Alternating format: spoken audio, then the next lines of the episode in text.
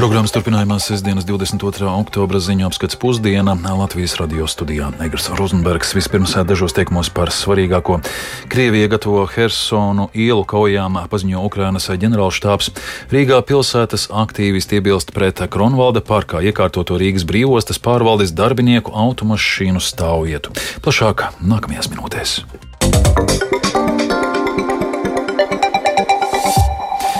Turpinoties Ukrainas armijas ofensīvai dienvidos, Ukrainas armijas ģenerālštāps norādījis, ka Krievija gatavo Hersonu ielu kaujām. Arī šorīt Ukrainā izsludināta gaisa trauksme un vairākos apgabalos bija dzirdami sprādzieni. Krievijas armija turpina uzbrukt enerģētikas infrastruktūrai. Tikmēr Krievijas aizsardzības ministram Sergejam Šoigu vakar bijusi telefona saruna ar ASV aizsardzības ministru Lloydu Ostinu. Tā bija tikai otrā ministru telefona saruna kopš 24. februāra. Plašāk stāsta Rihards Plūme. Turpinoties kara darbībai Ukrainā, Ukrainas armijas ģenerālštāps norādījis, ka aizvadītās diennakts laikā iznīcinātas aptuveni 53 dažādas ienaidnieka tehnikas vienības un 320 iebrucēji. Krievijas karaspēka dzīvā spēka zaudējumi Ukrainā pārsnieguši 67 tūkstošus karavīru. Ostrīl!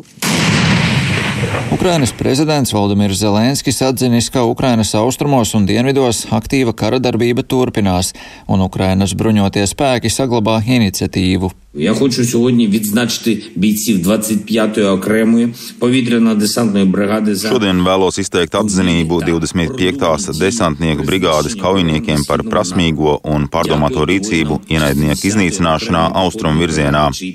Esmu pateicīgs arī 60. kājnieku brigādes karotājiem, kuru vienības Helsonas apgabalā uzrāda labus rezultātus. Kā norāda Ukrainas armijas ģenerālštāps, ievērojama daļa iedzīvotāju pametuši Hersonu. Savukārt pilsētā palikušie Krievu iebrucēji pārģērbjas civilajās drēbēs, ievācas pamestajās telpās un ienaidnieks gatavo Hersonu ielu kaujām. Zelenskis savā ikvakara uzrunā arī norādījis, ka Krievija kavē graudu eksportu no Ukrainas pa Melno jūru, un tāpēc 150 kuģi stāv mākslīgi izveidotā rindā Напружена ситуація навколо експортної зернової ініціативи. Situācija ap graudu eksporta iniciatīvu šajās nedēļās kļūst arvien saspringtāka. Ienaidnieks dara visu, lai bremzētu mūsu pārtiks eksportu. Uzskatu, ka ar šīm darbībām Krievija apzināti veicina pārtikas krīzi, lai tā kļūtu tikpat asa kā šī gada pirmajā pusē roku. Bet Krievijas aizsardzības ministram Sergejam Šoigu piekdien bijusi telefona saruna ar ASV aizsardzības ministru Lloydu Ostinu. Tā bija tikai otrā ministru telefona saruna kopš 24. februāra. Informācija par pārunāto gan ir skopa, taču abas puses apstiprināja, kā apspriesti aktuālie starptautiskās drošības jautājumi, to starp Ukraina. Ostins no savas puses uzsvēris, ka ir svarīgi kara laikā saglabāt sakaru līnijas. Par ASV sarunām ar Krievijas pusi izteicies arī ASV valsts sekretārs Antonijs Blinkens. We have been very clear that whenever we have something that it's important to communicate to the Russians, we'll do it. Mēs esam skaidri norādījuši, ka vienmēr, kad mums ir kaut kas, ko ir svarīgi paziņot Krieviem, mēs to darīsim un mēs to esam izdarījuši. Bet, kad runa ir par diplomātiju, lai izbeigtu karu, tas ir pilnībā atkarīgs no tā, vai Krievija nonāks līdz vietai, kur tā patiešām ir ieinteresēta apturēt agresiju, ko tā sāka. Un mēs šobrīd neesam redzējuši nekādus pierādījumus tam, gluži pretēji, mēs redzam, ka Krievija dubulto un trīskāršo šo savu agresiju. Situācija Ukrainā vakar tika apspriesta arī ANO drošības padomē. ANO ģenerālsekretāra vietniece politiskajos jautājumos Rosmarija Dikarlo ANO drošības padomes sēdē paziņoja, ka Ukrainā kopš Krievijas pilnā apjoma iebrukuma sākuma ir gājuši bojā 6322 civiliedzīvotāji, bet ievainoti vairāk nekā 9600. Dikarlo gan atzina, ka faktiskais upuru skaits var būt ievērojami lielāks. Pēc Ukrainas ģenerāla prokuratūras jaunākajiem datiem kopš kara sākuma Krievijas karaspēka uzbrukumos Ukrainā nogalināti vismaz 430 bērni, bet vairāk nekā 800 tikuši ievainoti. Focuses on collector center and household repairs Bet ANO pastāvīgā koordinātore Ukrainā Denīza Brauna norādījusi, ka gandrīz 18 miljoniem cilvēku, jeb vairāk nekā 40% valsts iedzīvotāju, ir vajadzīga humānā palīdzība. Savukārt Pasaules veselības organizācija ir fiksējusi vairāk nekā 630 uzbrukumus medicīnas iestādēm, tādējādi slimniekiem tiek liekta pieeja zālēm un ārstēšanai. Rihards Plūme, Latvijas radio. Rīgā pilsētas aktīvisti sākuši asu kampaņu pret Kronvalda parkā iekārtoto Rīgas brīvostas pārvaldes darbinieku automašīnu stāvvietu, kas iekārtota gājēju celiņa malā. Uz to ātri reaģējusi pašvaldība, atzīstot, ka stāvvieta ir jālikvidē.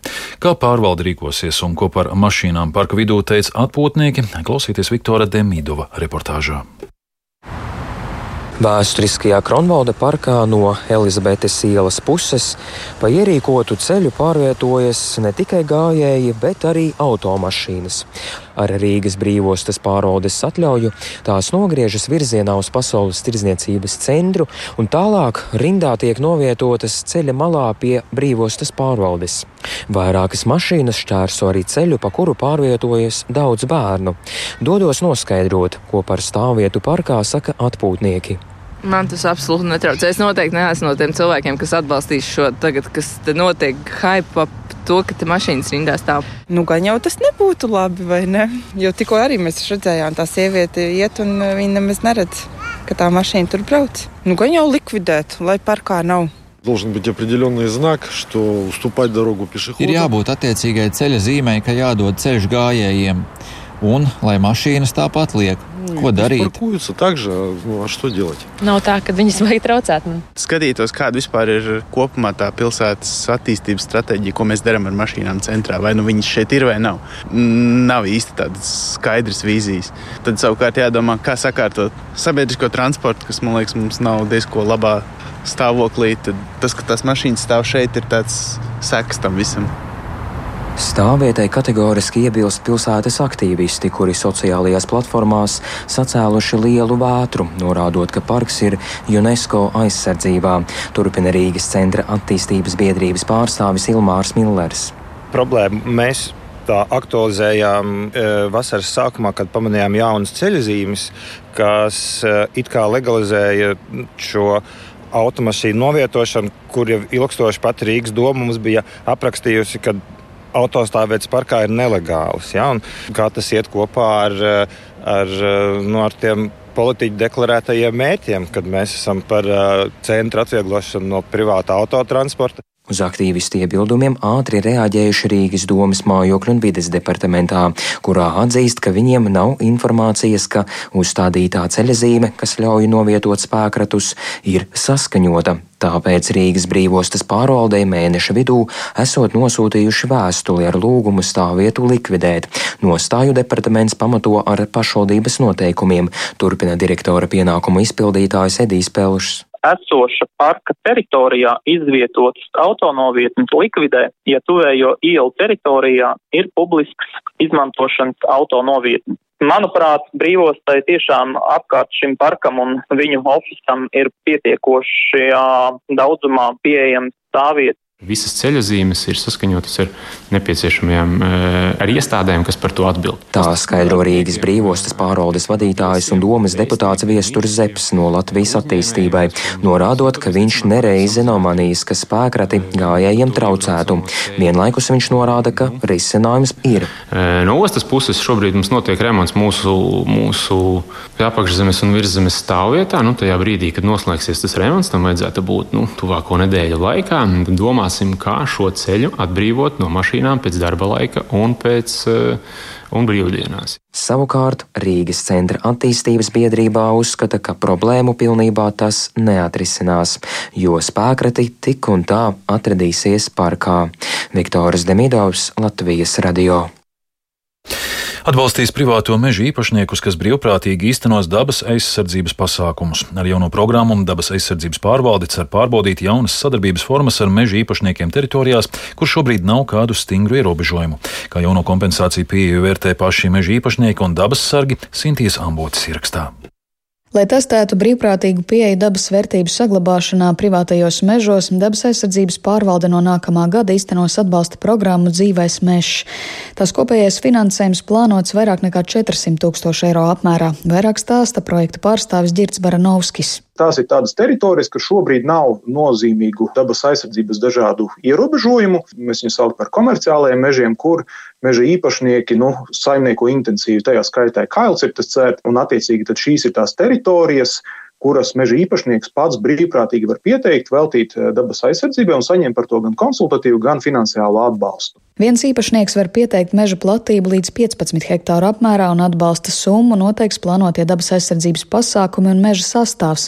Dabas aizsardzības pārvalde jauno sadarbības modeli īsteno pēc Somijas parauga, kur šāda programma darbojas jau 20 gadus.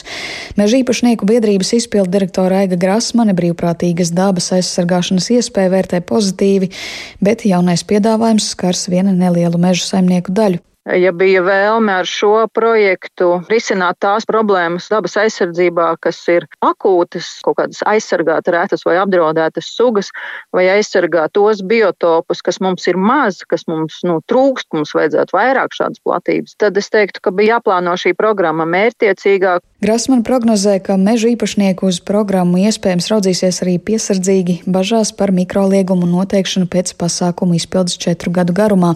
Savukārt Latvijas dabas Dabas fonda pārstāvis ornitologs Jānis Čūze vērtē, ka arī brīvprātīgu projektu pieeja nevar būt īstermiņā. Jautājums ir par to, kas notiek tajā brīdī, kad šis uh, līgums beidzās. Dabas pārvalde norāda, ka plānots atlasīt mežus ar augstvērtīgāku dabas daudzveidības līmeni.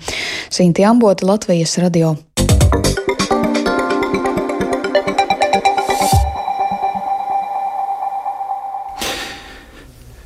Turpinājumā, turpinājumā par eh, sportu. Latvijas uzbrucējs Rudolfs Balcers vakar guvis savus otros vārtus Nacionālās hokeja līgas sezonā Floridas Panthers komandai savā laukumā piedzīvojot zaudējumu. Panthers mājās ar 2-3 piekāpās Tampa Bay's Lightning. Panthers eh, nākamajā cīņā rīta mājās uzņems Ņujorkas Islanders. Floridas vienība ar 7 punktiem 5 mačos ieņēma 4. vietu Austrumu konferencē. Latvijas basketboliste Anete Steinberga vakar Parīzē gūsi 16 punktus buržā. Žas Tango uzvarā Francijas superkausā, kļūstot par rezultatīvāko spēles e, dalībnieci. Tango svinēja uzvaru ar 76 pret 68, pieveicot Monde Marsānas basketlandes. Buržas komanda pagājušajā sezonā izcīnīja uzvaru FIBA Eirokausā un arī uzvarēja e, Francijas meistars sacīkstēs. Un vēl Jūrkalnes tautas nama izstāžu zālēs šodien notiks Justīnas Lūces un Edmunda Lūča gleznu izstādes Just Lūce atklāšana. Tajā būs apskatāmi Lūča vēlīnā perioda balēves gleznas, fovisma stila darbi un agrīnā perioda darbs meitene ar jēriņu. Arī mākslinieces Lūces grafikas un glezniecības tehnikas eh, darbi. E, izstādes noskaņā ir miera meklējums. Tā sabalansē abu mākslinieku atšķirīgo rokrakstu, kuram cauri viesa vienota krāsu gama. Tēvs un meita pat dzīvojot aptuveni 1800 km attālumā viens no otra, jo Justīna astoņus gadus pavadīja Venecijā, kur studēja Mākslas akadēmijā, mākslas pasauli saredzēja līdzīgi.